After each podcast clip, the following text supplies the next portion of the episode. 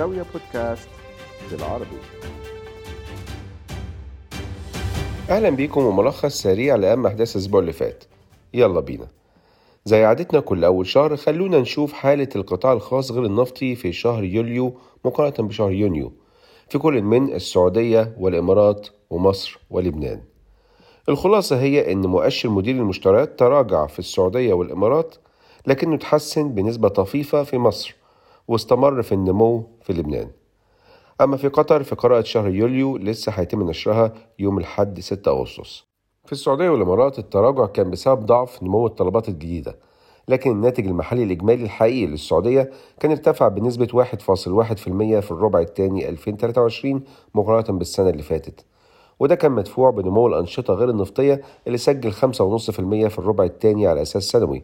في حين انخفضت الأنشطة النفطية للسعودية بنسبة 4.2% ومؤخرا السعودية أعلنت عن تمديد الخفض الطوعي لإنتاجها من النفط واللي كانت أعلنت عنه قبل كده بحجم مليون برميل يوميا علشان يكمل لحد نهاية شهر سبتمبر الجاي بعد ما كان تم تمديده لحد أغسطس. مش بس كده ده كمان في إمكانية لتمديد وزيادة الخفض ده. الهدف من القرار هو دعم استقرار أسواق البترول وتوازنها. ارتفاع أو حتى استقرار أسعار النفط عند مستوياتها الحالية ساعد شركات النفط في تحقيق أرباح غير مسبوقة. على سبيل المثال مؤسسة البترول الكويتية الحكومية سجلت صافي أرباح مجمعة بحوالي 8.5 مليار دولار خلال العام المالي المنتهي في 31 مارس اللي فات. أما في مصر فالمؤشر لسه في منطقة الانكماش لكنه تحسن مع تسجيل أبطأ معدل انكماش في الإنتاج من سبتمبر 2021 وتراجع الطلبات الجديدة بشكل بسيط. وفي لبنان فالوضع مستمر في التحسن اللي كنا شفناه في يونيو اللي فات مع تسجيل مؤشر ارتفاع متتالي ل 50.3 نقطة. يعني المؤشر بيأكد تخطي لبنان لمنطقة الانكماش مع ارتفاع الطلبات الجديدة والتوظيف والإنتاج.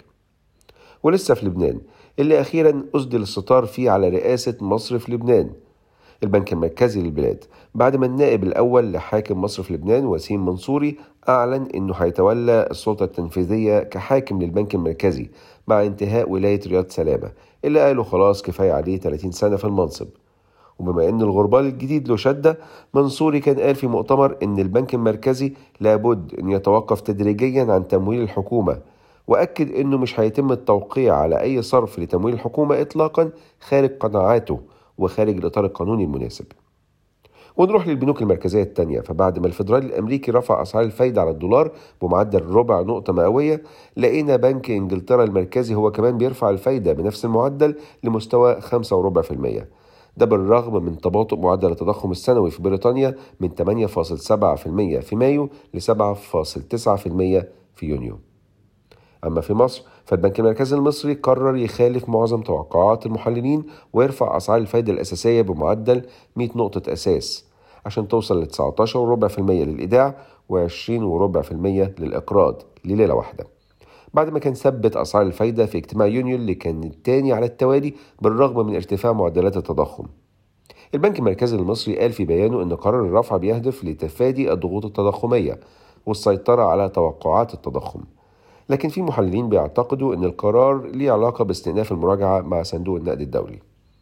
بس من ناحية تانية وبما أن لجنة السياسة النقدية في المركزي دايما بتقول أن مسار أسعار الفايدة الأساسية بيعتمد في الأساس على معدلات التضخم المتوقعة مش معدلات التضخم السائدة. وبما أن اللجنة بتتوقع أن معدلات التضخم توصل لذروتها في النص الثاني من السنة فهل ده معناه أن مصر داخلة على موجة تضخمية كبيرة تانية؟ ولا بيمهد لتخفيض آخر لقيمة الجنيه المصري واللي بدوره هيرفع معدلات التضخم. من ناحية تانية مصر بتحاول توطد علاقتها مع تركيا بعد ما وزير التجارة والصناعة المصري زار أنقرة مؤخرا لبحث إمكانية إنشاء منطقة صناعية تركية في مصر. دي تعتبر أول زيارة لوزير تجارة مصري من عشر سنين. الاتجاه هو أنه يكون في تعاون صناعي ونقل خبرات فنية من خلال التدريب الفني والتعليم الجامعي وقبل الجامعي كمان. ده غير الاستثمار الصناعي والتصنيع الزراعي. وزي ما إحنا عارفين تركيا عندها صناعة سيارات والصناعات المغذية ومصر هتحاول تستفيد من خبرة تركيا علشان توطن الصناعة دي في مصر. بس الخطة من هنا لحد يونيو 2024 هتكون للفرص والقطاعات اللي ليها أولوية مشتركة زي قطاعات الأثاث والسجاد والصناعات الكيماوية. مصر وتركيا بيستهدفوا هما الاتنين زيادة حجم التبادل التجاري بينهم من 10 مليار دولار حاليا ل 15 مليار دولار خلال خمس سنين مع إمكانية استخدام العملات المحلية في التجارة الثنائية في الفترة الجاية. سياسيا بقى في تونس الرئيس قيس سعيد أقال رئيسة الحكومة نجلاء بودن اللي كانت أول سيدة في المنصب ده وعين مكانها أحمد الحشاني اللي كان مدير عام بالبنك المركزي قبل كده. يمكن يكون القرار ده لتهدئة الوضع العام في تونس لأن البلاد بقالها فترة بتعاني من أزمة اقتصادية حادة. ده غير إن اتفاقها مع صندوق النقد الدولي بخصوص الحصول على تمويل ب 1.9 مليار دولار لمدة 48 شهر لسه معلق. أما في النيجر فالوضع غير مستقر. بعد ما أفراد من الحرس الرئاسي هناك احتجزوا الرئيس المنتخب محمد بازوم وده اللي على أساسه الجيش قال إنه على استعداد للتدخل في حالة إن أفراد الحرس الرئاسي ما رجعوش لرشدهم. لكن بعدها لقينا الجيش بيأيد الإطاحة ببازوم والاستيلاء على السلطة. وده اللي أدانه كل من فرنسا والولايات المتحدة والجزائر ودول الإكواس اللي هي المجموعة الاقتصادية لدول غرب أفريقيا. الفكرة إن النيجر اللي كانت مستعمرة فرنسية قبل استقلالها سنة 1960 بتعتبر سابع أكبر منتج لليورانيوم في العالم واللي بيتم تصديره لفرنسا اللي بتعتمد عليه في توليد الطاقة النووية المستخدمة في توليد الطاقة.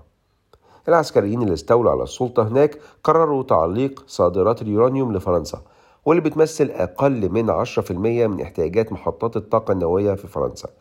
النيجر كانت تاني أكبر مورد لليورانيوم للاتحاد الأوروبي السنة اللي فاتت لكن إنتاجها بيمثل بس 4% من الإنتاج العالمي. لكن هل هيكون في تدخل عسكري خارجي ولا لأ؟ لسه هنشوف. وننهي البودكاست بخبر رياضي. هو مين بس اللي قال إن زمن المعجزات انتهى؟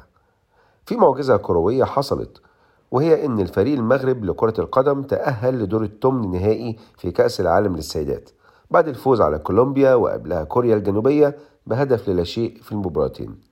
وبعد ما كانت غلب من ألمانيا بكام؟ بنص دستة أهداف دون مقابل يعني 6-0 في الآخر ألمانيا ما تأهلتش والمغرب هو اللي تأهل.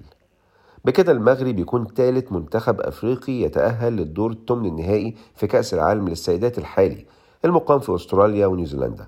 مع نيجيريا وجنوب أفريقيا. مش بس كده ده دي كمان المرة الأولى في تاريخ كأس العالم للسيدات إن ثلاث منتخبات أفريقية تتأهل من مرحلة المجموعات للدور ثمن النهائي المثير بقى إنه بالنسبة للمغرب دي أول مرة في تاريخه يتأهل لكأس العالم للسيدات. والله وعملوها الستات. كان معاكم عمرو حسين الألفي من زاوية تحياتي لكم والسلام عليكم ورحمة الله وبركاته.